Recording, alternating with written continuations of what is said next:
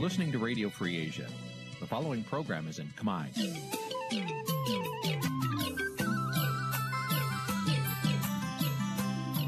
នេះជាកម្មវិធីផ្សាយ Vuthu Azizi Serai នេះជាកម្មវិធីផ្សាយរបស់ Vuthu Azizi Serai ជាភាសាខ្មែរ Vuthu Azizi Serai សូមស្វាគមន៍លោកអ្នកនាងទាំងអស់ពីរដ្ឋធានី Washington នៃសហរដ្ឋអាមេរិក ផ្សាយផ្ទាល់ពីរដ្ឋធានី Washington នាងខ្ញុំសុជីវីសូមជម្រាបសួរលោកអ្នកនាងកញ្ញាដែលកំពុងតាមដានការផ្សាយរបស់ Vuthu Azizi Serai ទាំងអស់ជាទីមេត្រីចា៎យើងខ្ញុំសូមជូនកម្មវិធីផ្សាយសម្រាប់យប់ថ្ងៃអាទិត្យ4រោចខែអាសត់ឆ្នាំឆ្លូវត្រីស័កពុរសករាជ2565ចាប់ត្រូវនៅថ្ងៃទី24ខែតុលាគ្រិស្តសករាជ2021ចាជាដំបូងនេះសូមអញ្ជើញលោកអ្នកនាងស្ដាប់ព័ត៌មានប្រចាំថ្ងៃដែលមានមេត្តាដូចតទៅ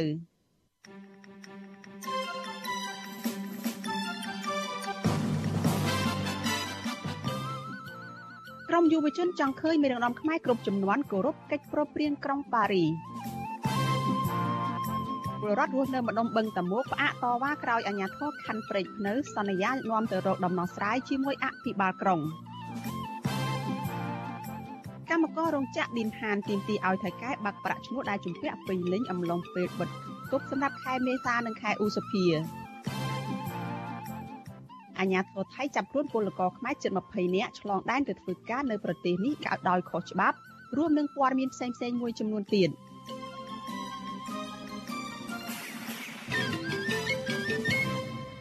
តែជាបន្តទៅទៀតនេះនាងខ្ញុំសុជីវីសូមជូនព័ត៌មានទៅនេះពិស្ដាចលនានាងជាទីមេត្រីតកតងនឹងការឆ្លងរាលដាលជំងឺ Covid-19 ចាអ្នកជំងឺ Covid-19 ចំនួន9អ្នកទៀតបានស្លាប់ ក្នុងនោះមាន7អ្នកមិនបានចាក់វ៉ាក់សាំងបង្ការជំងឺ Covid-19 ចំពោះករណីឆ្លងថ្មីវិញមានជាង100អ្នកក្នុងនោះមាន14អ្នកគឺជាករណីនាំចូលពីក្រៅប្រទេសចានេះគឺជាលទ្ធផលដែលបញ្ជាក់ដោយម៉ាស៊ីនពិសោធន៍ PCR ចាគិតត្រឹមព្រឹកថ្ងៃទី24ខែតុលាកម្ពុជាមានអ្នកកើតជំងឺ Covid-19 ជាង117,000នាក់ក្នុងនោះអ្នកជាសះស្បើយមានប្រមាណជាង110,000នាក់ចំណែកករណីស្លាប់វិញគឺក្រសួងអះអាងថា បានកើនឡើងដល់ជាង2,700នាក់ចាក្រសួងសុខាភិបាលប្រកាសថាគិតត្រឹមថ្ងៃទី23ខែតុលារដ្ឋាភិបាលចាក់វ៉ាក់សាំងជូនពលរដ្ឋដែលមានគ្រប់អាយុនោះគឺបាន99%នៅក្នុងចំណោម10លាននាក់ចំណែកកុមារនិងយុវជនដែលមានអាយុចន្លោះពី6ទៅដល់17ឆ្នាំវិញក្រសួងបញ្ជាក់ថាចាក់វ៉ាក់សាំងបានជាង3លាន6សែននាក់នៅក្នុងចំណោមអ្នកដែលត្រូវចាក់សរុបជាងជិត4លាននាក់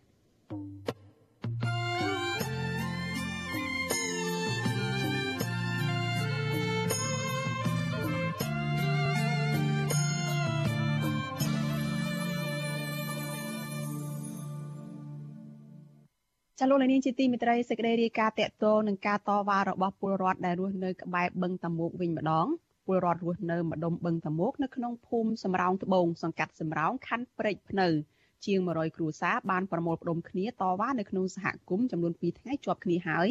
ដើម្បីស្នើសុំឲ្យអាជ្ញាធរចេញបានកម្មសិទ្ធិដី និងសិភើគ្រួសារឲ្យពួកគាត់ចាស់សង្គមស៊ីវិលជំរុញឲ្យអាជ្ញាធរពន្យាផ្ដល់ដំណោះស្រាយឲ្យពលរដ្ឋដើម្បីបញ្ជៀសការរិះគន់ ចាលោកមួងណារ៉េតរាយការណ៍ព័ត៌មាននេះការតវ៉ារបស់អ្នកភូមិពីថ្ងៃមុននេះមិនរងការវាយបង្ក្រាបឬក៏សម្លុតគំរាមអ្វីនោះទេក៏ប៉ុន្តែអាជ្ញាធរខណ្ឌព្រែកភ្នៅ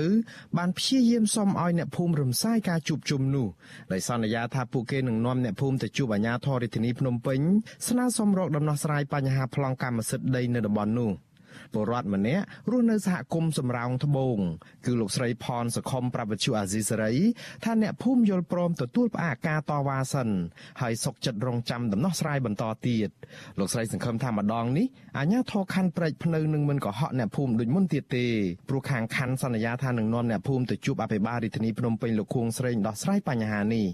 មីងទៅអញ្ចឹងធ្វើទៅអីមីងថាគួរតែនាំគ្នាឡើងទៅជួបខានខ្ញុំថាពួកខ្ញុំទៅជួបខានបានជួបតែខានទេលោកសុកប្របាទអីគាត់មិនដែលជួបពីពលរដ្ឋទេនិយាយរួមមកគាត់រវល់រហូតពីគាត់អញ្ចឹងគាត់ថាអញ្ចឹងមីងគួរតែឡើងទៅជួបបាបាគង់ត្រេងទៅល្អជាងថាអត់អីអូនធ្វើនេះធ្វើដើម្បីឲ្យគាត់ឃើញថាប្រជាពលរដ្ឋមិនខ្លាចគាត់ទេបានណាមិនខ្លាចពលរដ្ឋរស់នៅតាំងពីឆ្នាំ90មកទល់នឹង2021អូនគាត់ទៅជា30ឆ្នាំ អ្នកភូមិសំរោងត្បូងដែលរស់នៅជាប់មាត់បឹងតមោកលើកឡើងថាអាញាធរខណ្ឌព្រែកភ្នៅ បានកុហកនឹងកិច្ចពីអ្នកភូមិច្រើនដងមកហើយរឿងបញ្ហាប្លង់កម្មសិទ្ធិដីរបស់ប្រជាពលរដ្ឋនៅតំបន់នោះទើបពួកគាត់ប្រមូលផ្ដុំគ្នាតវ៉ានៅក្នុងសហគមន៍នៅថ្ងៃទី23និងថ្ងៃទី24ខែតុលាប្រជាពលរដ្ឋសហគមន៍សំរោងត្បូងជាង200គ្រួសារកំពុងតែបារម្ភពីការបាត់បង់ដីលំនៅឋាន ដោយសារតែអាជ្ញាធរមិនព្រមចេញប្លង់កម្មសិទ្ធិដីឲ្យសោះ ស្របពេលគ្នានេះស្រាប់តែមានគម្រោងអភិវឌ្ឍថ្មីថ្មីនៅលើផ្ទៃបឹងតមោកនិងនៅតំបន់ក្បែរមាត់បឹងកំពុងចាក់ដីលុបជិតដល់ម្ដុំដីលំនៅឋានរបស់អ្នកភូមិទៅហើយ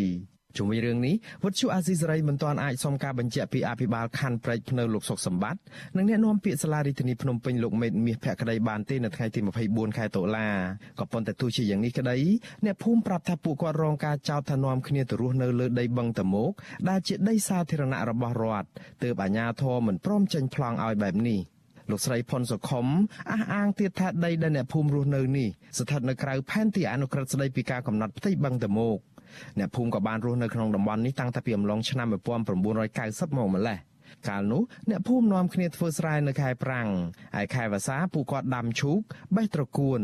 ដកផលិត និងនេសាទត្រីសប្តាហ៍ថ្ងៃពលរដ្ឋរស់នៅជុំវិញបឹងតមោកមិនអាចអាស្រ័យផលពីបឹងនេះបានដូចមុនទៀតទេ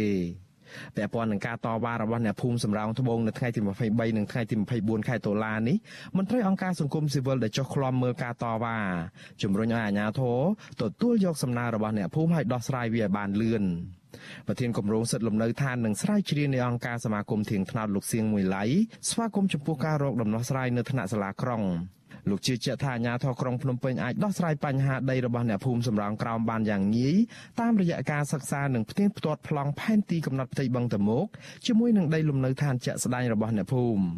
ខ្ញុំគិតថាអាជ្ញាធរគួរតែពិចារណាដោយសិក្សាឲ្យបានស៊ីជម្រៅថែមទៀតទៅលើទីតាំងដីសហគមន៍ថាពិតជានៅក្នុងដីសាធារណៈរបស់រដ្ឋនៅក្នុងភូមិត្រួតបឹងហ្នឹងឬក៏អត់តែបើអត់ទេអាហ្នឹងគាត់គួរតែពិចារណាក្នុងការផ្ដល់កម្មសិទ្ធិឲ្យប្រជាពលរដ្ឋទេព្រោះបើសិនជាយើងហាមឃាត់ដោយផ្អែកលើហេតុផលមួយដែលយើងគិតថាវាមិន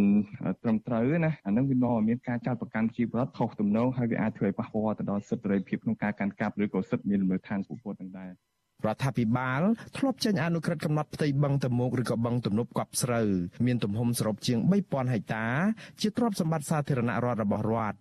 បឹងនេះបានដើរតួនាទីជាអាងស្តុកទឹកស្អុយធំបំផុតនៅរាជធានីភ្នំពេញក្រោយពេលដែលបឹងធំធំនៅក្នុងក្រុងត្រូវបានលុបដោយផ្នែកឬត្រូវបានលុបទាំងស្រុងក្រោមគម្រោងអភិវឌ្ឍនានា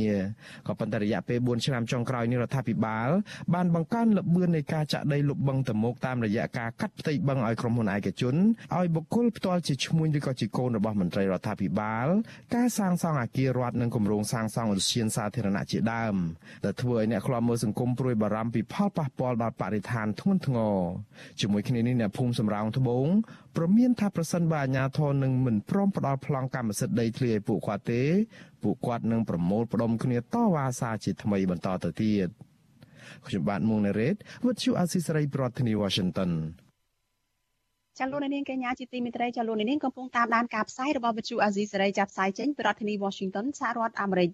ចាសសេចក្តីរាយការណ៍តកតទៅនឹងការបង្ក្រាបការតវ៉ារបស់ក្រមស្ត្រីឯនេះវិញចាអង្គការឃ្លាំមើលសិទ្ធិមនុស្សអន្តរជាតិ Human Rights Watch លើកឡើងថាការប្រើហិង្សាលើក្រមស្ត្រីថ្ងៃសុកពីសំណាក់ក្រមសន្តិសុខនៅខាងមុខស្ថានទូតបារាំងនៅកម្ពុជា កាលពីថ្ងៃទី22ខែតុលានោះគឺជាការធ្វើឡើងផ្ទុយពីបញ្ញត្តិសិទ្ធិមនុស្សនៃកិច្ចព្រមព្រៀងសន្តិភាពទីក្រុងប៉ារី ចាត់ទោះជាយ៉ាងណាមន្ត្រីរដ្ឋាភិបាលថាការរិះគន់រដ្ឋាភិបាលអំពីស្ថានភាពប្រជាធិបតេយ្យនិងសិទ្ធិមនុស្សនេះគឺជាការរំលោភបំពានអធិបតេយ្យភាពដែលមិនយល់ពីស្ថានភាពជាក់ស្ដែងនៅកម្ពុជាតែប៉ុណ្ណោះចាសសូមស្ដាប់សេចក្តីរាយការណ៍នេះរបស់អ្នកស្រីម៉ៅសុធានីពីរដ្ឋធានី Washington នាយករងអង្គការឃ្លាំមើលសិទ្ធិមនុស្សអន្តរជាតិ Human Rights Watch ប្រចាំតំបន់អាស៊ីលោក Phil Robertson បានបង្ហោះសារលើ Facebook នៅថ្ងៃទី23ខែតុលាថាការតវ៉ាដោយសន្តិវិធី របស់សមាជិកគ្រួសារអ្នកជាប់ឃុំគណៈបពប្រឆាំងគឺជាសកម្មភាពជាក់លាក់មួយ ដែលត្រូវបានការពារដោយបញ្ញត្តិសិទ្ធិមនុស្សនៃកិច្ចព្រមព្រៀងសន្តិភាពទីក្រុងប៉ារីសប៉ុន្តែបច្ចុប្បន្នរដ្ឋាភិបាលលោកហ៊ុនសែនមិនបានធានាអ្វីនោះទេ លោកសួរថាតើរដ្ឋាភិបាលកម្ពុជាខ្លាចអ្វីដែលពួកគេមិនអនុញ្ញាតឲ្យក្រុមអ្នកតវ៉ាដោយអហិង្សាចំនួន20នាក់កាន់បាតានៅតាមចិញ្ចើមផ្លូវលោកមើលឃើញថាសេរីភាពស៊ីវិលនិងនយោបាយជាមូលដ្ឋាន កំពុងរងគ្រោះនៅទូទាំងប្រទេស ហើយលោកនាយករដ្ឋមន្ត្រីហ៊ុនសែនបានកាត់បន្ថយស្មារតីនៃកិច្ចព្រមព្រៀងសន្តិភាពទីក្រុងប៉ារីសដោយយល់ឃើញថាបង្កើតកម្ពុជាឡើងដែលមិនប្រកាន់លទ្ធិប្រជាធិបតេយ្យឬក៏ការគោរពសិទ្ធិមនុស្ស ចាការលើកឡើងនេះធ្វើឡើងលើបន្ទាប់ពីក្រមស្ត្រីថ្ងៃសុកជាង20នាក់បានលើកបដានិងដាក់ញត្តិទៅស្ថានទូតបារាំងប្រចាំកម្ពុជា កាលពីថ្ងៃទី22ខែតុលាដើម្បីសុំឲ្យរដ្ឋាភិបាលបារាំងជំរុញទៅរបបលោកហ៊ុនសែនអនុវត្តឲ្យបានពេញលេញនៅស្មារតីកិច្ចព្រមព្រៀងសន្តិភាពទីក្រុងប៉ារីសនិងដោះលែងអ្នកទោសនយោបាយនិងសង្គមដែលកំពុងជាប់ពន្ធនាគារ ប៉ុន្តែពួកគេត្រូវបានក្រុមសន្តិសុខខណ្ឌដូនពេញដែលមានចំនួនលើសលប់ប្រើអំពើហិង្សាបណ្ដាលឲ្យស្ត្រី3នាក់រងរបួសធ្ងន់និងមួយចំនួនទៀតរងរបួសស្រាលចាឆ្លើយតបរឿងនេះអ្នកនាំពាក្យគណៈកម្មាធិការសិទ្ធិមនុស្សរបស់រដ្ឋាភិបាលលោកកតាអូនថ្លែងប្រាប់វិទ្យុអសីស្រីថា អង្គការអន្តរជាតិនិងប្រទេសមួយចំនួនដែលរិះគន់រដ្ឋាភិបាល អំពីស្ថានភាពលទ្ធិប្រជាធិបតេយ្យនិងសិទ្ធិមនុស្សគឺជាការរំលោភបំពានអធិបតេយ្យភាពដោយមិនយល់ពីស្ថានភាពជាក់ស្ដែងនៅកម្ពុជាចាលោកអះអាងថាខ្លឹមសារនៃកិច្ចព្រមព្រៀងសន្តិភាពទីក្រុងប៉ារីសបានបញ្ចូលទៅក្នុងរដ្ឋធម្មនុញ្ញរួចហើយលោកក៏បានបញ្ជាក់ថាកន្លងមកក្រមស្ត្រីថ្ងៃសុកដែលចេញដាក់ញត្តិនឹងតវ៉ាទាំងនោះ គឺមិនយល់ពីកាតព្វកិច្ចនៃការប្រើប្រាស់សិទ្ធិសេរីភាព ដែលធ្វើឲ្យរំលោភបំពានច្បាប់ចំណែកឯហិង្សាដែលបង្កឡើងដោយក្រុមសន្តិសុខវិញលោកកតាអូនលើកទឹកចិត្តឲ្យស្ត្រីថ្ងៃសុខដាក់ពាក្យប្តឹងដល់អ្នកដែលប្រាអំពើហិង្សាទៅស្ថាប័នមានសមត្ថកិច្ចដើម្បីស្វែងរកយុត្តិធម៌ ការដែលយើងសម្លឹងមើលពីខាងក្រៅដែលយើងមិនបានពិនិត្យមើលទស្សនវិជ្ជាចាស់ស្ដែងនៅអង្គហេតុនៃសកម្មភាពហើយយើងគិតតែពីទ្រឹស្ដីនៃសិទ្ធិមនុស្សយើងមិនបានគិតអំពីសកម្មភាពដែលពាក់ព័ន្ធបលមើលនោះជាការយល់ខុសទាំងស្រុងចឹងហើយនៅកម្ពុជាយើងយើងកញ្ញាឲ្យច្បាស់អំពីទ្រឹស្ដីសិទ្ធិមនុស្សនិងសកម្មភាពទង្វើរបស់មនុស្សក្នុងការប្រើប្រាស់សិទ្ធិចំពោះមុខច្បាប់ ទោះជាយ៉ាងណាក្រមស្ត្រីថ្ងៃសុកច្រានចោលចំពោះការលើកឡើងរបស់មន្ត្រីរដ្ឋាភិបាលថាសកម្មភាពពួកគាត់កន្លងមក គឺធ្វើឡើងដោយសន្តិវិធីនិងស្របតាមច្បាប់ដែលធានាដោយរដ្ឋធម្មនុញ្ញនិងស្មារតីនៃកិច្ចព្រមព្រៀងសន្តិភាពទីក្រុងប៉ារីសចាស្ត្រីរងគ្រោះទាំងនោះមិនដាក់ពាក្យបណ្ដឹងករណីហិង្សានេះនោះទេពីព្រោះពួកគាត់មិនជឿទៅលើការអនុវត្តច្បាប់របស់អាជ្ញាធរនោះឡើយ។ ចាអ្នកស្រីខុំស្រីលាក់កូនស្រីសកម្មជនបពប្រឆាំងនៅខេត្តកណ្ដាលអ្នកស្រីយ៉យស្រីមុំ ឲ្យដឹងថាលោកស្រីដេកឈឺចាប់មុខរបួសដោយសារតែក្រុមសន្តិសុខខណ្ឌដូនពេញជាច្រើនអ្នកបានប្រើអំពើហិង្សាដោយរុញច្រានទាត់ចំកណ្ដាលមុខនិងដាល់មុខបណ្ដាលោកស្រីបែកមាត់និងហើមមុខធ្ងន់ធ្ងរលោកស្រីឲ្យដឹងទៀតថាក្រុមសន្តិសុខដែលជាបរិះបានបន្លំបៀតបៀនរាងកាយរបស់ស្ត្រីភេទរួមទាំងប្រើពាក្យសម្ដីគំរាមកំហែងនិងមាក់ងាយទៀតផង លោកស្រីសោកស្ដាយការដែលអាញាធរតាមរារាំងនឹងប្រាំអំពើហ ংস ាលើស្ត្រីទុនខ្សោយហើយលោកស្រីចាត់ទុកអំពើហ ংস ាពីសំណាក់សន្តិសុខនេះគឺជាអំពើរំលោភបំពានលើស្ត្រីធ្ងន់ធ្ងរដែលមិនអាចទទួលយកបាន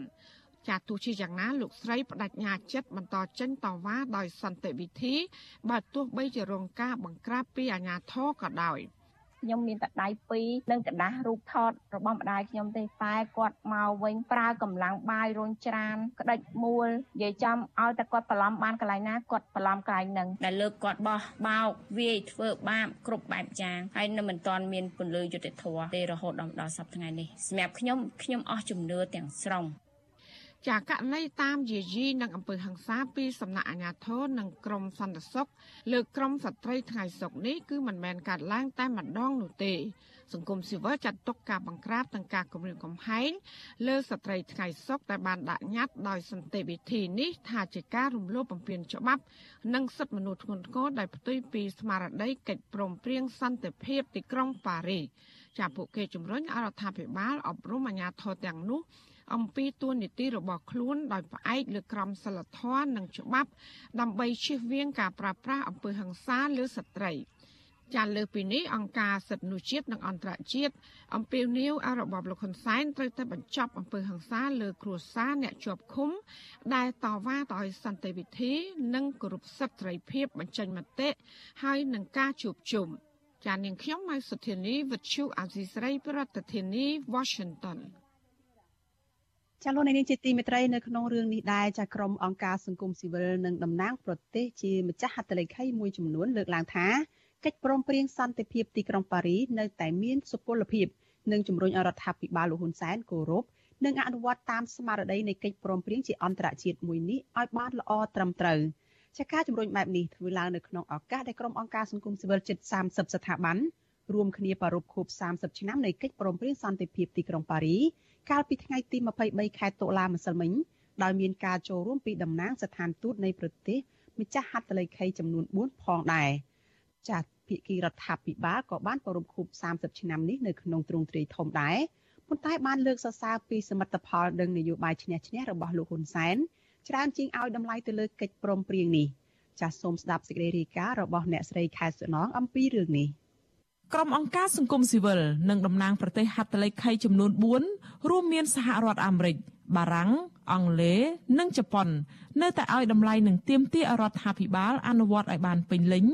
នៅកិច្ចព្រមព្រៀងជាប្រវត្តិសាស្ត្រមួយនេះជាឫសគល់នាំឲ្យកម្ពុជាមានសន្តិភាពលទ្ធិប្រជាធិបតេយ្យការផ្សះផ្សាជាតិនិងការរីកចម្រើន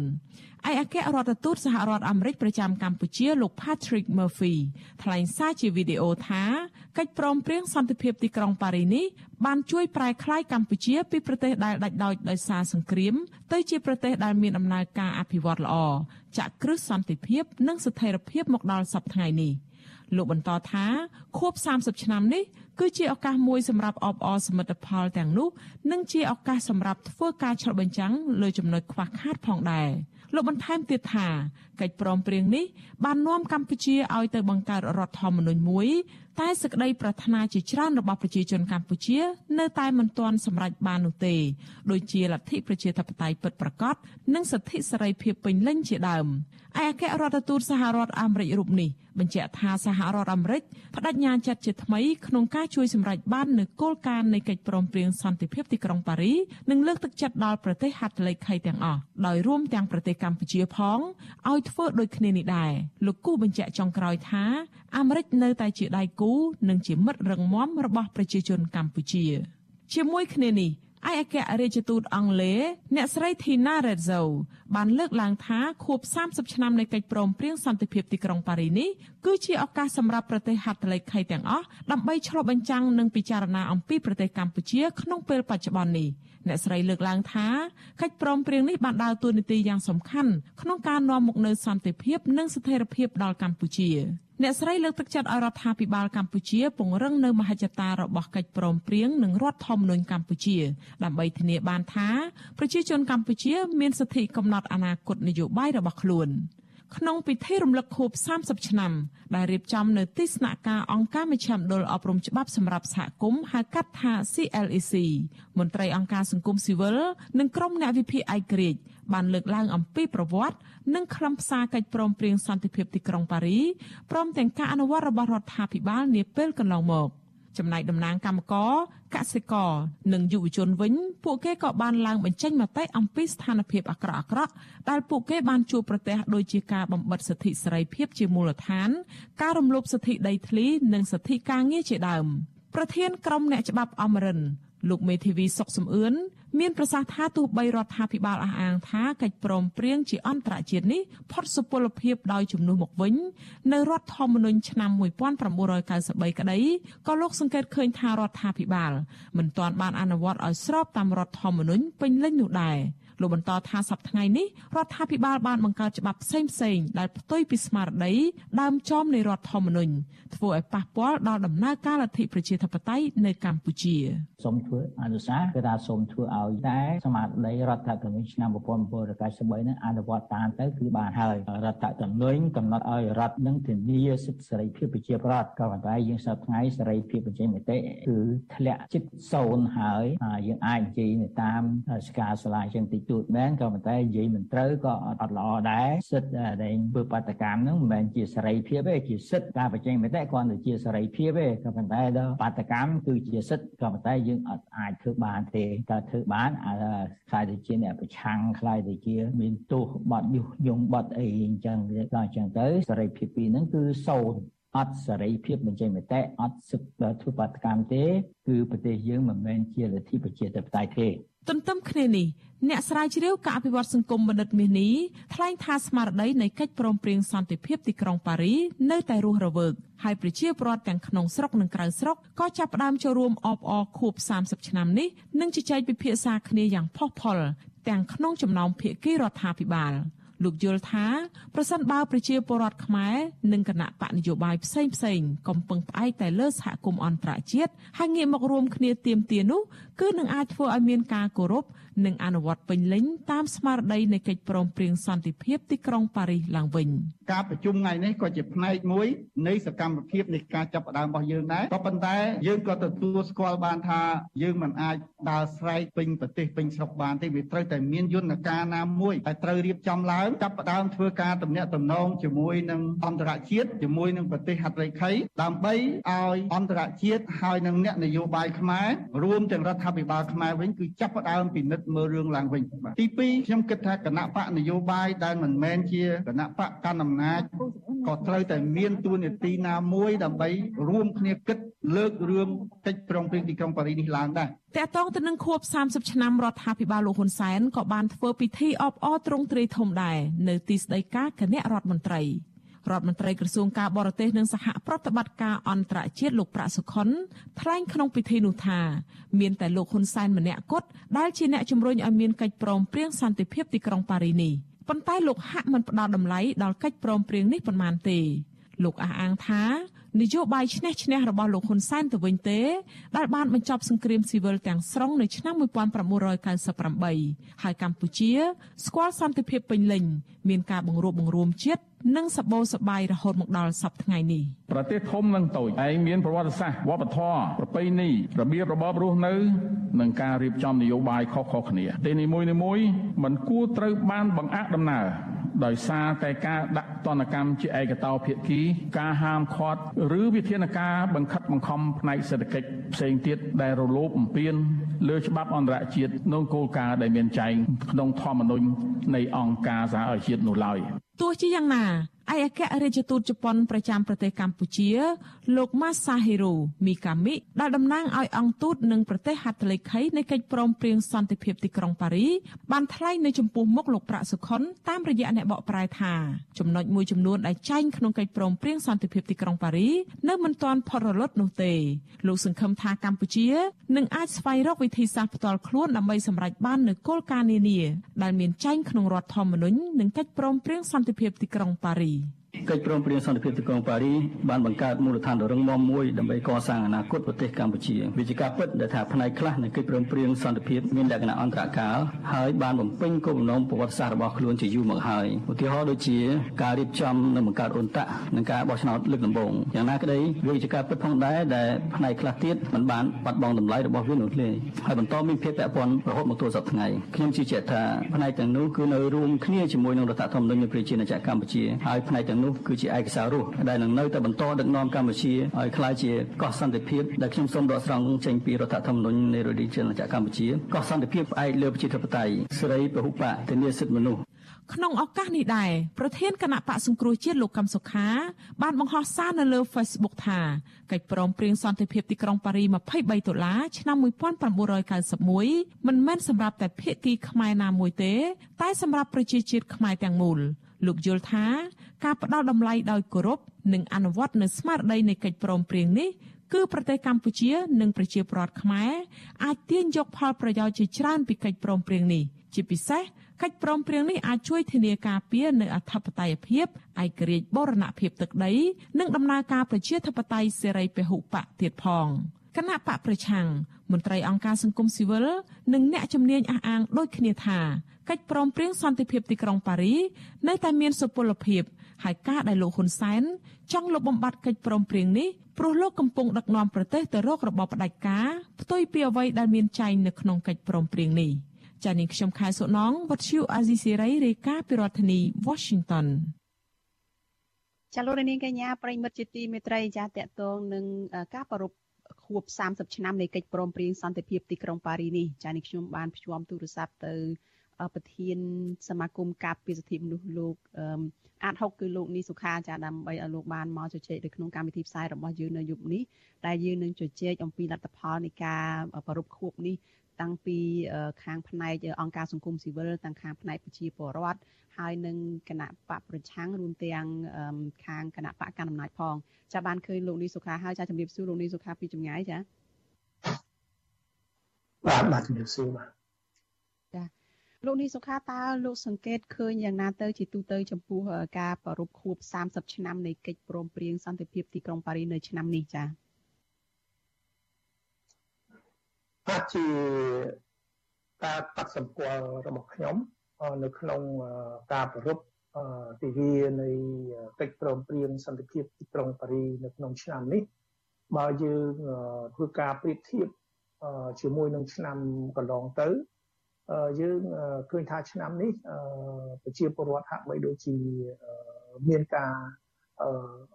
ចូលរួមក៏ដូចជាមានការចាប់អារម្មណ៍កាន់តែកើនឡើងមានន័យថាកាន់តែខ្លាំងឡើងអំពី ថ្ងៃនៃចងចាំនៃការប្រពៃពីសន្តិភាពទីក្រុងប៉ារីសនេះអឺពីព្រោះថាយើងពិនិត្យឃើញថាទស្សនវិជ្ជាជាទូទៅយើងឃើញថានៅថ្ងៃនេះរយៈពេលក្នុងប្រហែលថ្ងៃនេះឃើញថាមានការប្រពៃពីនេះមានច្រើនកន្លែងបាទមិនមែនតែនៅក្នុងប្រទេសកម្ពុជាទេបាទសូម្បីតែយើងឃើញថាមាន ក្រមច្រើនគឺថាមានតែក្រមនៅក្នុងស្រុកដូចជាក្រមនៅខាងក្រៅស្រុកអឺហើយយើងក៏ឃើញមានខាងរដ្ឋាភិបាលក៏មានរាជបណ្ឌិតសភារដ្ឋាភិបាលក៏មានការប្រពៃនៅទីវានឹងដែរបាទហើយនេះជាការកត់សម្គាល់របស់ខ្ញុំយើងឃើញថាអ្វីត្បិតតែយើងនៅតែមានទស្សនៈខ្លះថាស្មារតីនឹងបានស្លាប់ឬក៏បាន ផុតរលត់ទៅហើយទៅអីក៏ប៉ុន្តែយើងឃើញសកម្មភាពជាក់ស្ដែងនៃការចូលរួមក្នុងការប្រពៃនៃទីវាហ្នឹងគឺថានៅតែមានការផុសផុលដដែលហើយឆ្នាំនេះបើយើងធៀបទៅនឹងឆ្នាំមុនហាក់បីដូចជាមានការផុសផុលជាងឆ្នាំមុនទៅទៀតបាទពីព្រោះថាយើងឃើញមានឆ្នាំមុនមានតិចក្រុមទេប៉ុន្តែឆ្នាំនេះយើងសង្កេតឃើញមានច្រើនក្រុមហើយ ទីពីរទៀតយើងឃើញថាថ្មីថ្មីនេះខាងរដ្ឋាភិបាលក៏បានចេញចរាចរណ៍មួយឲ្យប្រើប្រាស់នៅกระดาษប្រាក់3ម៉ឺនរៀលហើយដែលនៅក្នុងនៃមួយនោះថាដើម្បីរំលឹកនៅអនុស្សាវរីយ៍ដែល30ឆ្នាំមុនមានន័យថាបើយើងគិតពីកិច្ចព្រមព្រៀងប៉ារីគឺវាមានរយៈពេលពេលមកដល់ពេលនេះគឺវា30ឆ្នាំហើយដូច្នេះមិនខុសពីអ្វីដែល រដ្ឋាភិបាលហាក់បីដូចជាបានធ្វើការរំលឹកទៅដល់អ្វីដែលជាស្មារតីនៃកិច្ចព្រមព្រៀងក្រុងប៉ារីកាលពី30ឆ្នាំមុនបាទហើយនៅងាកមកមើលនៅក្នុងទស្សនវិជ្ជានៃការរៀបចំកិច្ចព្រមព្រៀងប្រពៃទិវាកិច្ចព្រមព្រៀងសន្តិភាពទីក្រុងប៉ារីកាលពីថ្ងៃទី23ដុល្លារដោយក្រុមអង្គការសង្គមស៊ីវិលយើងវិញគឺថា នៅក្នុងនោះយើង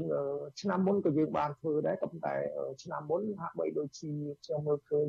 តកតទៅនឹងបញ្ហាសន្តិសុខហាក់បីដូចជាមានបញ្ហាចង្អៀតចង្អល់ជាងឆ្នាំនេះពីព្រោះថាឆ្នាំមុនយើងបានទៅបកកន្លែងទីច្រើនក៏ប៉ុន្តែត្រូវបានលើកលើកពេលទាំងអស់លើកទៅទីតាំងលើកអីទាំងអស់ធ្វើឲ្យយើងមានការលំបាកប៉ុន្តែឆ្នាំនេះ ប៉ុន្តែគាត់ថាដោយសារតែស្ថានភាពកូវីដយើងមិនអាចទៅធ្វើនៅខាងក្រៅបានគឺយើងយកទីស្នាក់ការរបស់អង្គការក្លេចដើម្បីរកទីវានេះឡើងហើយយើងក៏មានអង្គការសង្គមស៊ីវិលដែលជាតំណាងអង្គការទាំងអស់ដែលចូលរួមក្នុងការប្រពៃទិវានេះរហូតដល់30ផ្លាយអង្គការដែលមានវត្តមានជាអ្នកជួយរៀបចំហើយ ក្នុងនឹងក៏យើងឃើញមានការចូលរួមរបស់ប្រជាពលរដ្ឋដែលតាមដោយសារតែយើងក្នុងស្ថានភាពនេះគឺយើងធ្វើតាមរយៈអនឡាញប៉ុន្តែនៅក្នុងសាលហ្នឹងក៏យើងមានអ្នកចូលរួមដែលជាតំណាងអង្គការតំណាងទូតតំណាងអីហ្នឹងក៏ថា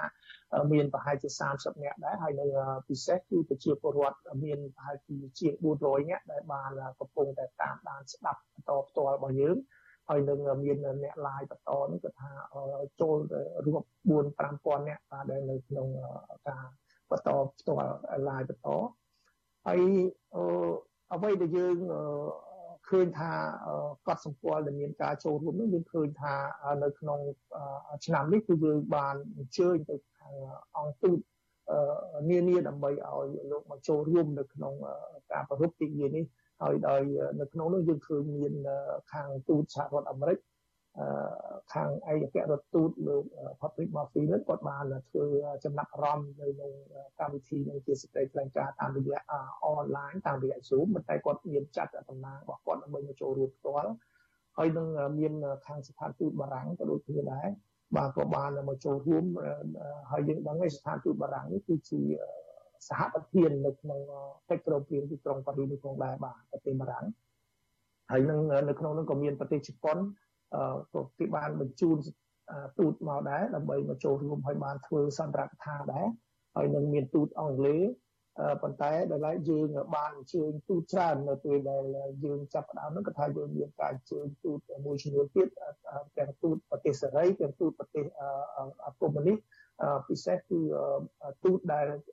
ប្រទេសដែលជាសមាជិកនៃហត្ថលេខីកិច្ចព្រមព្រៀងប៉ារីសទាំង18ហ្នឹងគឺថាមានរាប់ទាំងពីទូតរុស្ស៊ីរាប់ទាំងពីទូតចិនរាប់ទាំងពីទូតយួន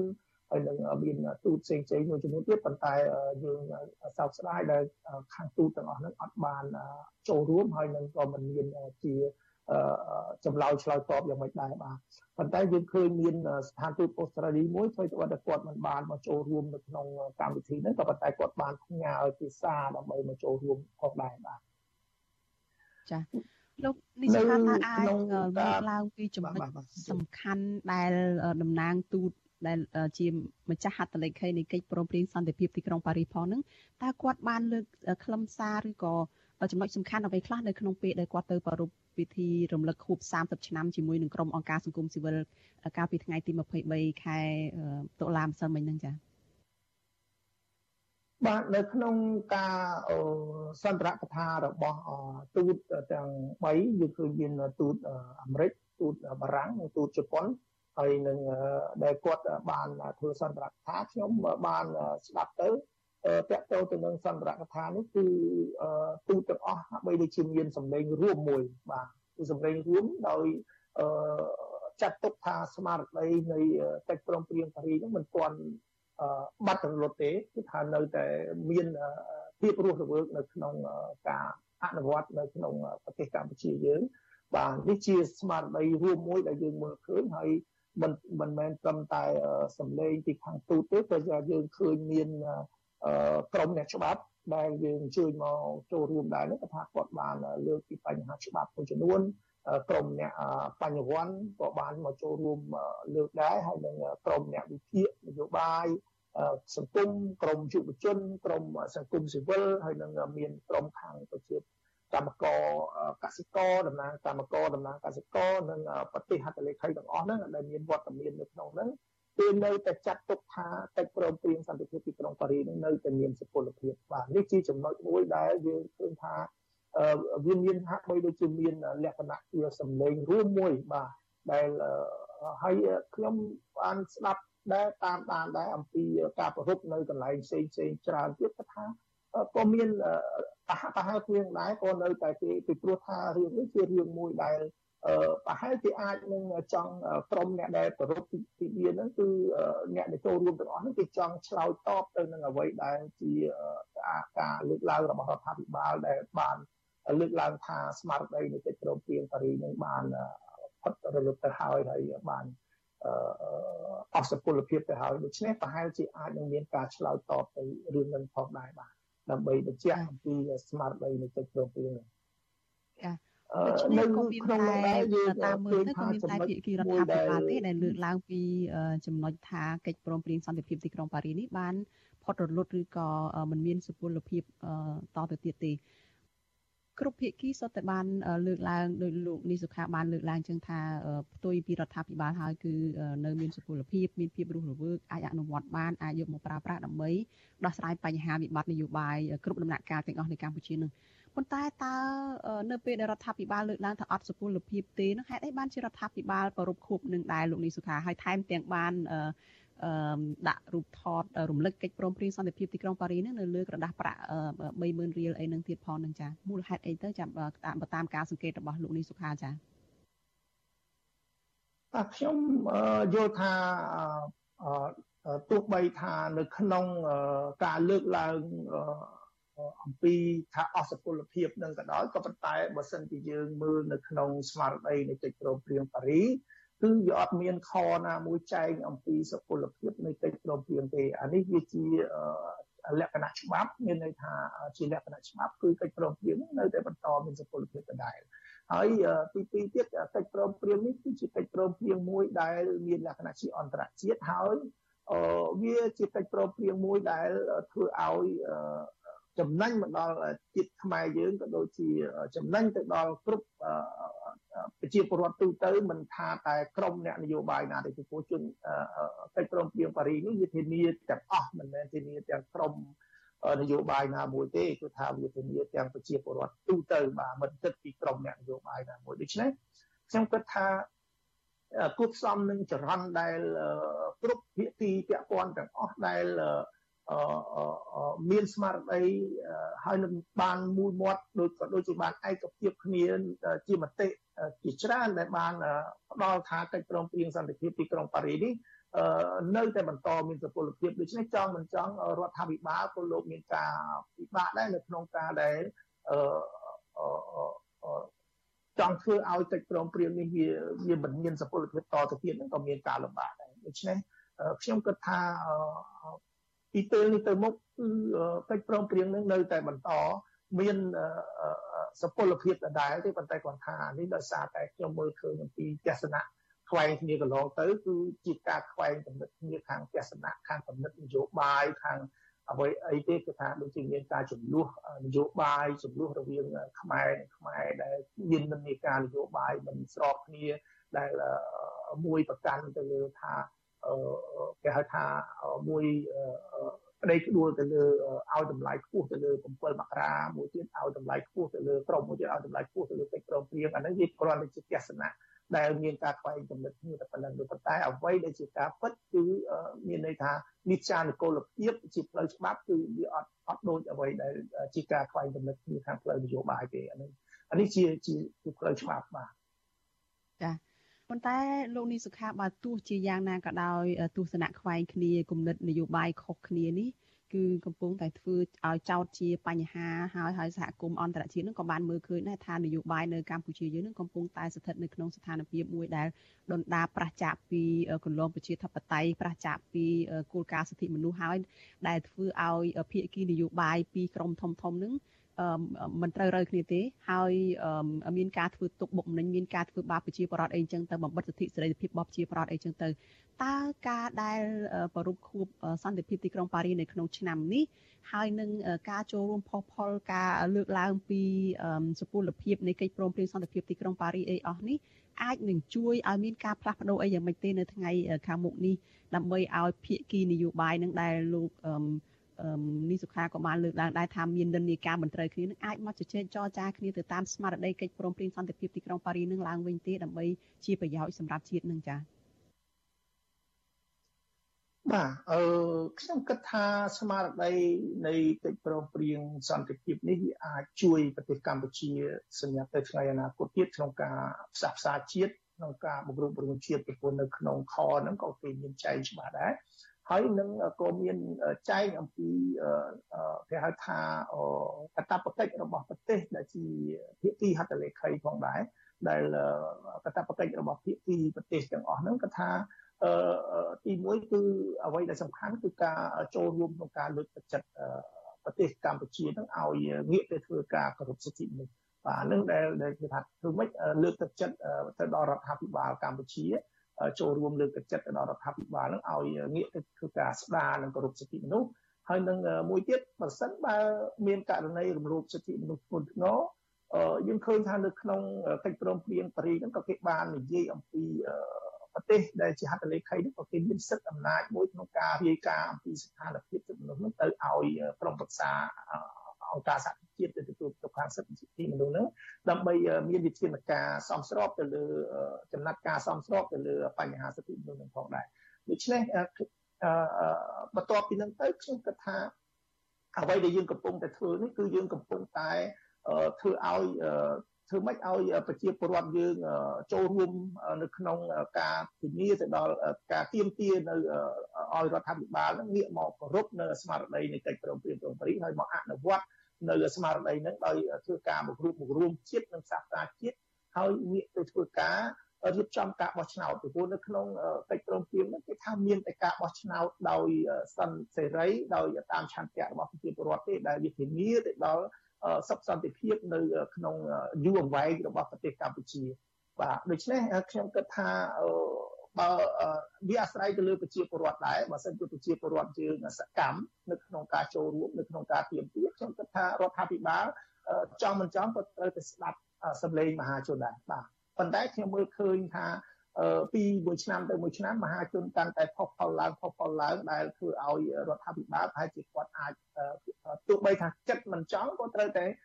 ពិចារណាដែរបាទយករឿងទៅពិចារណាដែរបាទនេះខ្ញុំគិតថាខ្ញុំក៏មានសុខភាពយំខ្លះក្នុងការដែល ទៅខាងមុខនេះប្រហែលជារដ្ឋាភិបាលក៏នឹងពិចារណានៅក្នុងអ្វីដែលជាសកម្មភាពរបស់ប្រជាពលរដ្ឋដែលចូលរួមនៅក្នុងការទាមទារឲ្យមានការអនុវត្តកិច្ចព្រមព្រៀងក្រុងប៉ារីសនឹងដែរបាទចាអរគុណច្រើនលោកនេះសុខាចាដែលបានឆ្លៀតពេលចូលមកផ្ដល់ការសម្ភាសឲ្យវិទ្យុអាស៊ីសេរីនៅយុគនេះចាសូមជូនពរលោកសុខភាពល្អហើយជម្រាបលាលោកត្រឹមប៉ុណ្ណេះចាបាទបាទអរគុណបាទ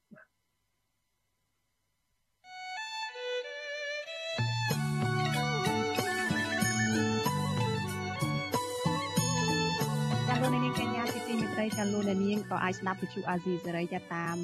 រយៈវិទ្យុរលកធាតុអាកាសខ្លីចាដំណើរគ្នានឹងការផ្សាយរបស់យើងតាមបណ្ដាញសង្គម Facebook និង YouTube នេះចាលោកនាងអាចស្ដាប់វិទ្យុអាស៊ីសេរីតាម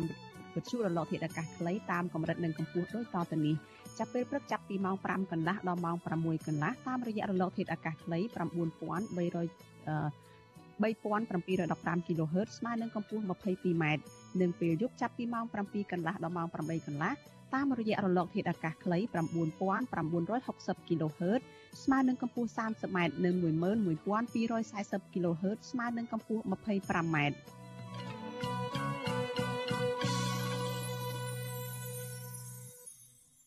លោកនាងកញ្ញាប្រិយមិត្តជាទីមេត្រីចាតតងទៅនឹងការតវ៉ារបស់ក្រុមកម្មករនៅក្នុងវិស័យរោងចក្រកាត់ដេរឯនេះវិញចាសហជីពឯករាជ្យ និងកម្មករនៅរោងចក្រឌីនហាន បន្តទីមទីឲ្យភៀកគីថៅកែបើកប្រាក់ឈ្នួលឲ្យបានពេញលេញ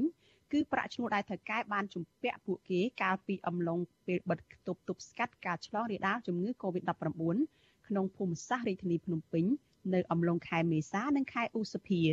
ពួកគាត់អះអាងថាភៀកគីថៅកែកំពុងតែរំលោភច្បាប់ស្តីពីការងារនិងបទបញ្ជាផ្ទៃក្នុងរបស់រោងចក្រដោយសារតែភៀកគីថៅកែបដិសេធជាបន្តបន្ទាប់ ជំវិញការទៀមទារបស់ក្រុមក្រុមកម្មករនៅឯក្រសួងការងារនិងនៅក្រមប្រឹក្សាអាជ្ញាកណ្ដាលចាប់ប៉ុន្តែភៀកគីនយោជកវិញលើកឡើងថាថៅកែរោងចក្រកំពុងតែអនុវត្តច្បាប់ការងារនេះហើយចាលោកមួងណារ៉េតមានសេចក្តីរាយការណ៍មួយទៀតអំពីរឿងនេះ។ សហជីពឯករាជ្យលើកឡើងថាការដែលភិក្ខីថាកែមិនបើកប្រាក់ឈ្នួលឲ្យកម្មករពេញលេញអំឡុងពេលបិទគប់នៃខែមេសានិងខែឧសភានោះគឺជាទង្វើមិនអាចទទួលយកបាន និងមិនស្របតាមច្បាប់នោះឡើយព្រោះករណីនេះធ្វើឲ្យពួកគាត់ត្រូវបាត់បង់ប្រាក់ឈ្នួលនិងរងការរំលោភបំពានសិទ្ធិចំពាក្យដែលសង្គមកំពុងតែរងផលប៉ះពាល់ដោយសារតែការរីករាលដាលនៃជំងឺ Covid-19 ប្រធានសហជីពប្រជាធិបតេយ្យកម្មករកាត់ដេរកម្ពុជាប្រចាំរោងចក្រឌិនហាន លោកឡុងសក្តាប្រាប់វិទ្យុអាស៊ីសេរីថាអំឡុងខែមេសានិងឧសភាកម្មកររោងចក្រឌិនហានបានឆ្លងជំងឺ Covid-19 និងត្រូវធ្វើចតាល័យស័កនិងបិទគប់នៅតាមបន្ទប់ជួលដោយមិនមានការយកចិត្តទុកដាក់ពីសំណាក់ថៅកែរោងចក្រនិងអាជ្ញាធរនោះឡើយ លោកបន្តថាបន្ទាប់ពីបិទគប់រួច ខាងបេឡាជាតិរបបសន្តិសុខសង្គមបានបើកប្រាក់ចំនួន70%ដល់កម្មករស្របតាមច្បាប់ស្តីពីការងារក៏ប៉ុន្តែតកែរោងចក្រវិញបែរជាបើកប្រាក់ឈ្នួលឲ្យកម្មករតែ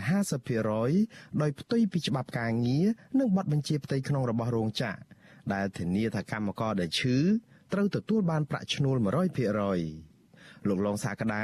សោកស្ដាយចំពោះភៀកគីថាកែដែលមិនអនុវត្តច្បាប់និងមិនយល់ពីសុខទុក្ខរបស់កម្មករដែលខិតខំធ្វើការទាំងលំបាកលំបិនដើម្បីដំណើរការរោងចក្រនិងរកប្រាក់ចំណេញឲ្យថៅកែរាល់ឆ្នាំលោកទៀមទីឲ្យថៅកែរោងចក្រកាត់ដេរនេះបើកប្រាក់ឈ្នួលដល់កម្មករឲ្យបានពេញលេញដោយស្របតាមច្បាប់ការងារ ដោយសារយើងលើកមកវាមានរោងចក្រខ្លះដែរដែលគេគិតឲ្យកម្មកររបស់គេដល់យើងណាកម្មករក៏គាត់អន់ចិត្តដែរថាពួកគាត់លំបាកពួកគាត់ខំធ្វើការឲ្យក្រុមហ៊ុនកន្លងមកយូរហើយដែរក្រុមហ៊ុនក៏ចំណេញដែរគាត់គាត់លំបាកគាត់មានជំងឺមានតរៈអីចឹងក្រុមហ៊ុនអត់ស្គាល់ពីគាត់អត់គិតគាត់អត់គិតតាមច្បាប់ឲ្យគាត់គាត់ស្នើសុំមកខាងសហជីពឲ្យជួយជជែកតវ៉ារឿងនឹងឲ្យគាត់រោងចក្រកាត់ដេរឌិនហាន ស្ថិតនៅខណ្ឌមានជ័យរាជធានីភ្នំពេញ មានកម្មករជិត3000នាក់ រោងចក្រនេះបានផ្អាកមួយរយៈដោយសារតែផ្ទុះជំងឺ Covid-19 បណ្ដាលឲ្យកម្មករជាង600នាក់ឆ្លងជំងឺ Covid-19 និងកម្មករផ្សេងទៀតត្រូវធ្វើចតាល័យសាក់តាមផ្ទះនិងបន្ទប់ជួល កាលពីខែមេសានិងខែឧសភាកាលពីពេលថ្មីថ្មីនេះក្រុមកម្មករបានដាក់បណ្ដឹងទៅក្រសួងការងារដើម្បីសុំផ្សះផ្សានិងស្វែងរកដំណោះស្រាយករណីដែលថៅកែរោងចក្រមិនបើកប្រាក់ឈ្នួល100%ដល់កម្មករអំឡុងពេលបិទគប់នៃខែមេសានិងខែឧសភានោះ ក៏ប៉ុន្តែភាគីថៅកែបដិសេធបន្ទាប់មកក្រសួងការងារបានបញ្ជូនសំណុំរឿងនេះទៅក្រុមប្រឹក្សាអាជ្ញាកណ្ដាលដើម្បីបន្តនីតិវិធីក្រុមប្រឹក្សាអាជ្ញាកណ្ដាលបានកោះហៅភាគីកម្មករនិងភាគីតកែចូលសវនាការកាលពីថ្ងៃទី18ខែតុលាដោយអនុញ្ញាតឲ្យភាគីទាំងសងខាងបង្ហាញភ័ស្តុតាងហើយភាគីតកែនៅតែបដិសេធដដែលដោយលើកហេតុផលថាពុំមានលទ្ធភាពផ្ដល់ប្រាក់នេះទេ ដូច្នេះក្រុមប្រឹក្សាអាជ្ញាកណ្ដាលបានប្រកាសថានឹងចេញសេចក្តីសម្រេចកាលពីថ្ងៃទី22ខែតុលាក៏ប៉ុន្តែរហូតមកដល់ពេលនេះសហជីពនិងកម្មករនៅរោងចក្រដេនហានមិនទាន់ទទួលបានសេចក្តីសម្រេចពីក្រុមប្រឹក្សាអាជ្ញាកណ្ដាលនោះនៅឡើយទេ វិទ្យុអាស៊ីសេរីក៏មិនអាចតាក់ទងណែនាំពាក្យក្រសួងការងារនិងបណ្ដុះបណ្ដាលវិជ្ជាជីវៈលោកហេងសួរនិងអគ្គលេខាធិការសមាគមរោងចក្រកាត់ដេរកម្ពុជាហៅកាត់ថាជីម៉ាក់លោកខិនលូដើម្បីបកស្រាយជំរឿងនេះបានទេនៅថ្ងៃទី24ខែតុលាចំណែកឯថៅកែរោងចក្រឌិនហានលោកប៊ិនប្រាប់វិទ្យុអាស៊ីសេរីដោយខ្លីថាករណីនេះរោងចក្ររបស់លោកអនុវត្តតាមច្បាប់ក្រសួងការងាររួចរាល់អស់ហើយ បើទោះបីជាយ៉ាងនេះក្តីកម្មកររោងចក្រកាត់ដេរឌិនហានលោកស្រីខិនសុភា ប្រាប់ថាលោកស្រីខកចិត្តចំពោះថៅកែរោងចក្រដែលមិនឆ្លើយតបតាមការទាមទាររបស់ក្រុមកម្មករអំឡុងពេលនៃការរាតត្បាតនៃជំងឺ Covid-19 លោកស្រីអះអាងថាកម្មករត្រូវការប្រាក់ឈ្នួលដែលក្រុមហ៊ុនមិនព្រមបើកឲ្យនោះដើម្បីដោះស្រាយជីវភាពគ្រួសារដែលកំពុងតែខ្វះខាតស្របពេលដែលលោកស្រីយកទឹកបបរបញ្ចុកកូនតូចទៀតផងលោកស្រីឲ្យដឹងថាបច្ចុប្បន្ននេះបើទោះបីជាកម្មករបានចូលធ្វើការឡើងវិញក៏ដោយក៏ប៉ុន្តែប្រាក់ខែគោលមិនអាចធ្វើឲ្យជីវភាពគ្រួសារលោកស្រីប្រសើរនោះទេព្រោះលោកស្រីចំណាយច្រើនជាងមុនដោយត្រូវបង់ទឹកភ្លើងបន្ទប់ជួលនិងសងបំណុលមួយខែជាង165ដុល្លារជាដើម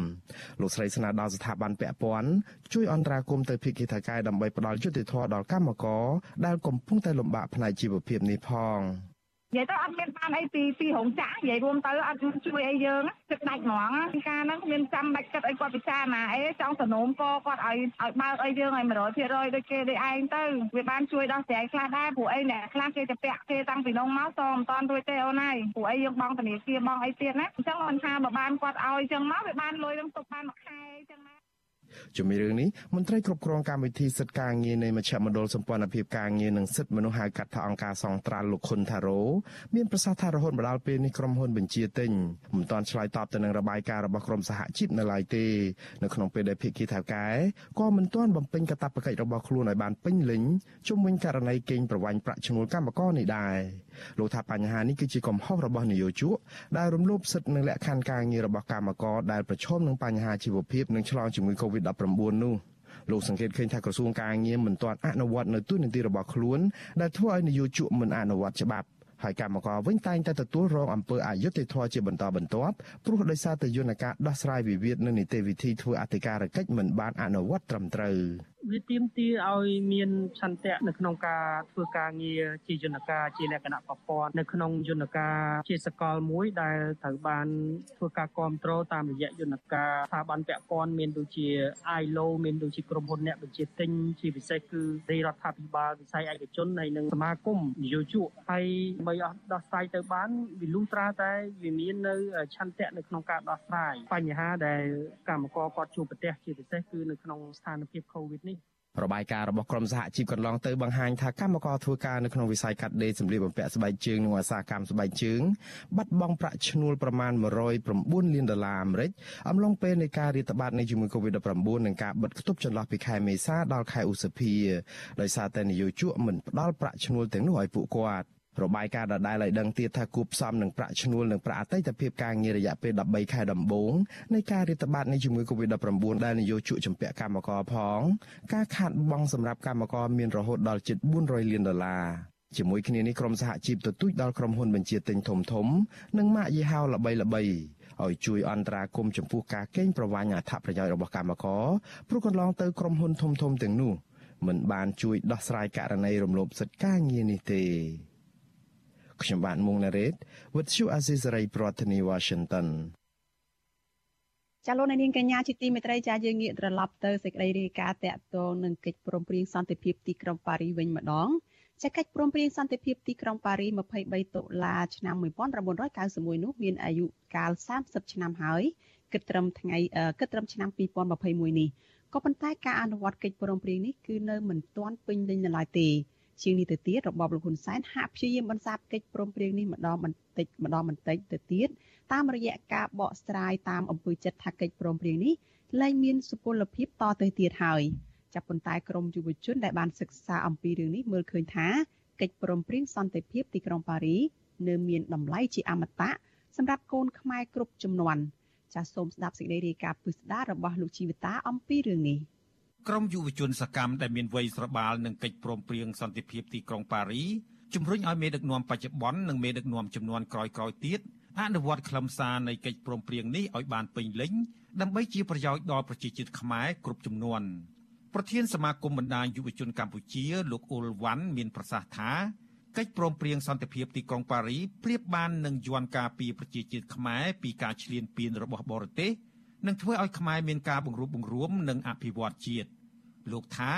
មេដឹកនាំបច្ចុប្បន្ននិងមេដឹកនាំចំនួនក្រោយៗទៀតគប្បីគោរពនិងអនុវត្តខ្លឹមសារនៃកិច្ចព្រមព្រៀងនេះឲ្យបានត្រឹមត្រូវលោកបន្ថែមថាកិច្ចព្រមព្រៀងសន្តិភាពក្រុងប៉ារីមានសុពលភាពជារៀងដរាបមិនមែនដូចជាការបកស្រាយរបស់រដ្ឋាភិបាលបច្ចុប្បន្ននេះទេលោកអ៊ុលវ៉ាន់សង្កត់ធ្ងន់ថាការបកស្រាយរបស់រដ្ឋាភិបាលដែលថាកិច្ចព្រមព្រៀងជាអន្តរជាតិនេះអស់សុពលភាពនោះ គឺជាការខាតបង់សម្រាប់ជាតិនិងជាការគេចវេះពីកាតព្វកិច្ចនិងការទទួលខុសត្រូវទាំងឡាយដែលមានចែងក្នុងកិច្ចព្រមព្រៀងនេះ។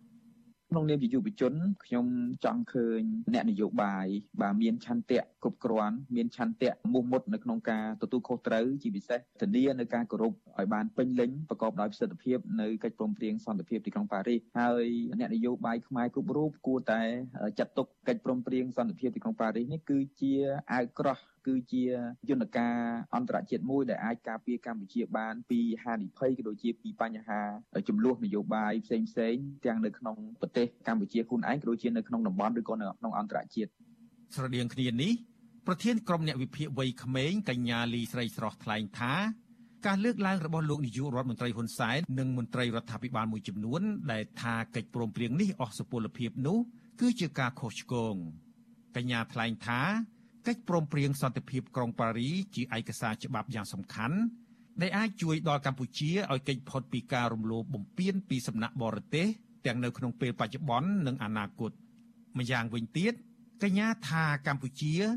អាចប្រើប្រាស់កិច្ចព្រមព្រៀងនេះជាមូលដ្ឋាន ក្នុងការតវ៉ាយកមកវិញ នៅទឹកដីដែលបាត់បង់ទៅប្រទេសជិតខាង តាមរយៈសន្ធិសញ្ញាមិនត្រឹមត្រូវទាំងឡាយកាលពីអតីតកាល។ ស្មារតីរបស់កិច្ចព្រមព្រៀងហ្នឹងគឺជានៅតែមានហើយការដែលគោរពអនុវត្តហ្នឹងវាគឺជាចំណុចសំខាន់របស់កម្ពុជាទៅលើការធ្វើឲ្យកម្ពុជាខ្លាចជាប្រទេសដែលកាន់របបប្រជាធិបតេយ្យគោរពសិទ្ធិមនុស្សនិងនីតិរដ្ឋហើយក៏ជាប្រទេសដែលមានការធានាជាផ្លូវការអំពីការគោរពអធិបតេយ្យភាពហើយក៏ដូចជាការរំលឹកដល់ប្រទេសផ្សេងទៀតដែលចង់រំលោភអធិបតេយ្យ តែភាពរបស់កម្ពុជាគឺពួកគេមិនអាចធ្វើបានទេបើយោងតាមកិច្ចព្រមព្រៀងមួយនេះអញ្ចឹងនេះគឺជាផលប្រយោជន៍ដែលបើសិនជាយើងអាចអនុវត្តឬក៏យើងជំរុញលើការលើកកម្ពស់ស្មារតីគោរពទៅលើកិច្ចព្រមព្រៀងសន្តិភាពកុំប៉ារីសអញ្ចឹងយើងអាចបានប្រយោជន៍ទាំងអស់នេះបាន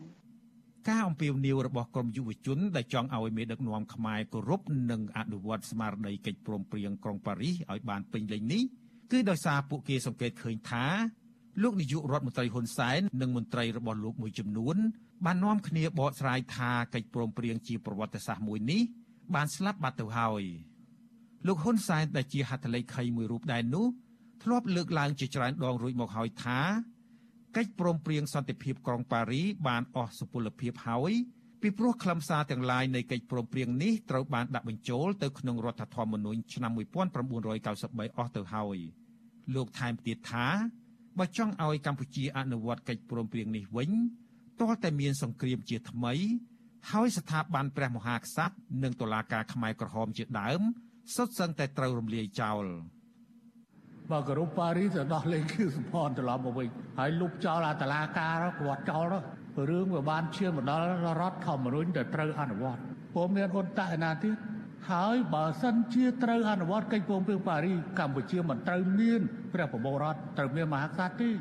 ត្រូវមានក្រមប្រឹក្សាជាតិជាន់ខ្ពស់ ហើយព្រះមហាក្សត្រយើងគឺត្រឹមតែជាប្រធានក្រមប្រឹក្សាជាតិជាន់ខ្ពស់ទេហើយអ្នកដែលមានសិទ្ធិសម្រេចចុងក្រោយគឺនៅលើប្រធានអ៊ុនតាក់ឯណោះរឿងហ្នឹងហើយដែលខ្ញុំមិនព្រមហើយខ្ញុំទៅទៅជាកនៅលើជួយនៅក្នុងក្រមប្រឹក្សាសន្តិសុខអង្គការសហប្រជាជាតិរបស់ការបកស្រាយបែបនេះរបស់លោកនាយករដ្ឋមន្ត្រីហ៊ុនសែនត្រូវបានមន្ត្រីក្រមបង្គាប់របស់លោកយកទៅសូត្ររត់មាត់តាមគ្នា និងនិយាយបន្តទាំងជាមួយអ្នកសារព័ត៌មាន និងក្នុងវេទិកាសាធារណៈនានា ជាងនេះទៅទៀតពួកគេហាក់លើកដំកើងលោកនាយករដ្ឋមន្ត្រីហ៊ុនសែនតែម្នាក់គត់ឲ្យមានគុណសម្បត្តិលើកិច្ចព្រមព្រៀងសន្តិភាពក្រុងប៉ារី ជាឧទាហរណ៍រដ្ឋមន្ត្រីការបរទេសកម្ពុជា លោកប្រាក់សុខុន បានហៅលោកនាយករដ្ឋមន្ត្រីហ៊ុនសែនថាជាមហារដ្ឋបុរសនៅចំពោះមុខអង្គទូតបរទេសនិងភ្ញៀវកិត្តិយសដទៃទៀត ក្នុងពិធីប្រារព្ធខួប30ឆ្នាំនៃកិច្ចព្រមព្រៀងនេះកាលពីថ្ងៃទី23តុលាក្នុងសន្ទរកថារយៈពេលជិត1ម៉ោងលោកប្រាក់សុខុនហាក់មិនសូវផ្ដល់តម្លៃដល់កិច្ចព្រមព្រៀងសន្តិភាពក្រុងប៉ារីនោះទេប៉ុន្តែលោកបានលើកដំកើងលោកនាយករដ្ឋមន្ត្រីហ៊ុនសែនឲ្យមានគុណសម្បត្តិលើតួអង្គឯទៀតឯទៀតដែលបានចូលរួមបដិបដើមដែលក្នុងនោះមានទាំងព្រះបរមរតនកោដ្ឋនរោត្តមសីហនុផងដែរលោកអះអាងថា លោកនាយករដ្ឋមន្ត្រីហ៊ុនសែនជាអ្នកដឹកនាំតែម្នាក់គត់ដែលនាំមកនូវសន្តិភាព ការបង្រួបបង្រួមជាតិនិងឯកភាពទឹកដីនៅចុងឆ្នាំ1998តាមរយៈនយោបាយឈ្នះឈ្នះរាជរដ្ឋាភិបាលបានអនុញ្ញាតឲ្យធនាគារជាតិកម្ពុជាចេញផ្សាយនៅក្រដាសប្រាក់ថ្មីមានតម្លៃ30,000រៀលតាមរយៈការបោះពុម្ពផ្សាយក្រដាសប្រាក់នេះរាជរដ្ឋាភិបាលកម្ពុជា ដឹកនាំដោយសម្ដេចហ៊ុនសែន ស្ថាបត្យករទី1និងសំខាន់បំផុតនៃកិច្ចព្រមព្រៀងក្រុងប៉ារី បញ្ជាក់សារជាថ្មីអំពីសារៈសំខាន់នៃសមិទ្ធផលជាប្រវត្តិសាស្ត្រនិងរំលឹកប្រជាពលរដ្ឋទាំងអស់អំពីគុណបំណាច់នៃកិច្ចព្រមព្រៀងនិងអ្នកដែលបានរួមគ្នាសម្រេចកិច្ចព្រមព្រៀងនេះចំពោះសន្តិភាពនិងការពង្រឹងរួមជាតិទោះជាយ៉ាងណាអគ្គលេខាធិការសហព័ន្ធនិស្សិតបញ្ញវន្តកម្ពុជាលោកគៀនពន្លកយល់ថា មូលហេតុដែលរដ្ឋាភិបាលលោកហ៊ុនសែនមិនសូវផ្ដល់តម្លៃដល់កិច្ចព្រមព្រៀងសន្តិភាពក្រុងប៉ារីពីព្រោះរដ្ឋាភិបាលបានបរាជ័យក្នុងការអនុវត្តតាមខ្លឹមសារមួយចំនួននៅក្នុងកិច្ចព្រមព្រៀងនេះលោកថាចំណុចបរាជ័យទាំងនោះ មានជាអាចការប្រែក្លាយកម្ពុជាទៅជារបបដឹកនាំឯកបកការគៀបសង្កត់សិទ្ធិសេរីភាពពលរដ្ឋនិងការធ្វើឲ្យជាតិបែកបាក់តាមរយៈការកម្ចាត់អ្នកមានទស្សនៈនយោបាយផ្ទុយនិងសម្លេងឯករាជ្យជាដើម យុវជនដែលជាអ្នកឃ្លាំមើលស្ថានភាពនយោបាយរូបនេះសង្កត់ធ្ងន់ថាកិច្ចព្រមព្រៀងសន្តិភាពទីក្រុងប៉ារីមានតម្លៃជាអមតៈដូច្នេះមេដឹកនាំដែលចង់លុបបំបាត់ឬប៉ុនប៉ងបន្សាបកិច្ចព្រមព្រៀងនេះពួកគេមិនមែនជាអ្នកស្នេហាជាតិពិតប្រាកដនោះទេ មានតែមេដឹកនាំដែលស្ថិតនៅក្នុងការកាន់អំណាចបែបផ្ដាច់ការទេដែលមិនគោរពទៅលើស្មារតីនៃកិច្ចព្រមព្រៀងសន្តិភាពទីក្រុងប៉ារីសហើយខ្ញុំមិនចង់ឃើញប្រទេសកម្ពុជាមួយដែលធ្លាក់រអិលទៅក្នុងការដឹកនាំបែបផ្ដាច់ការទេខ្ញុំចង់ឃើញប្រទេសកម្ពុជាមួយដែលមានការគោរពលទ្ធិប្រជាធិបតេយ្យពិតប្រាកដមានការគោរពសិទ្ធិមនុស្សពិតប្រាកដហើយជាពិសេសហ្នឹងគឺចង់ឃើញការផ្សះផ្សាជាតិហើយនឹងបង្រួបបង្រួមជាតិ ព្រោះអីបច្ចុប្បន្ននេះគឺកម្ពុជាកំពុងតែជួបបញ្ហាធំធំដែលត្រូវចូលរួមគ្នាដោះស្រាយមានដូចជាវិបត្តិ COVID-19 ការដកប្រព័ន្ធអនុគ្រោះពន្ធ EVA ការដកប្រព័ន្ធអនុគ្រោះពន្ធ GSP ហើយនឹងការដាក់ទណ្ឌកម្មទៅលើមន្ត្រីរដ្ឋាភិបាលធំធំក្នុងខួប30ឆ្នាំនេះប្រជាពលរដ្ឋខ្មែរទាំងក្នុងនិងក្រៅប្រទេសក្រមសង្គមស៊ីវិលឯករាជ្យអង្គការអន្តរជាតិនិងប្រទេសហត្ថលេខីមួយចំនួន បានធ្វើសកម្មភាពផ្សេងផ្សេងគ្នាដើម្បីបង្ហាញការគាំទ្រនិងទាមទារឲ្យរដ្ឋាភិបាលលោកហ៊ុនសែនគោរពកិច្ចព្រមព្រៀងសន្តិភាពទីក្រុងប៉ារីជាពិសេសប្រទេសហត្ថលេខីមួយចំនួន ដូចជាសហរដ្ឋអាមេរិកបារាំងអង់គ្លេសអូស្ត្រាលីនិងជប៉ុនជាដើម បានលើកឡើងជាចំហថារដ្ឋាភិបាលលោកហ៊ុនសែនមិនទាន់អនុវត្តកិច្ចព្រមព្រៀងសន្តិភាពក្រុងប៉ារីឲ្យបានពេញលេញនៅឡើយទេ ហើយចំណុចខ្វះខាតទាំងនោះ គួរតែត្រូវបានពិនិត្យពិចារណាឡើងវិញក្រមប្រទេសប្រជាធិបតេយ្យទាំងនោះបញ្ជាក់ច្បាស់ច្បាស់ទៀតថាពួកគេនឹងឈរជាមួយពលរដ្ឋខ្មែរដែលចង់បានការអភិវឌ្ឍការគោរពសិទ្ធិមនុស្សនិងលទ្ធិប្រជាធិបតេយ្យពិតប្រាកដស្របតាមស្មារតីនៃកិច្ចព្រមព្រៀងសន្តិភាពក្រុងប៉ារីក្រុមអង្គការសង្គមស៊ីវិលនិងក្រុមបញ្ញវន្តជំរុញប្រជាពលរដ្ឋជាពិសេសយុវជនឲ្យសិក្សាស្វែងយល់ស៊ីជម្រៅបន្ថែមទៀតអំពីកិច្ចព្រមព្រៀងសន្តិភាពទីក្រុងប៉ារី ពីព្រោះនេះជាមូលដ្ឋានច្បាប់អន្តរជាតិដ៏រឹងមាំដែលអាចជួយការពារប្រជាជាតិខ្មែរគ្រប់ចំនួននិងគ្រប់បញ្ហាសំខាន់ជាងនេះទៅទៀតនោះ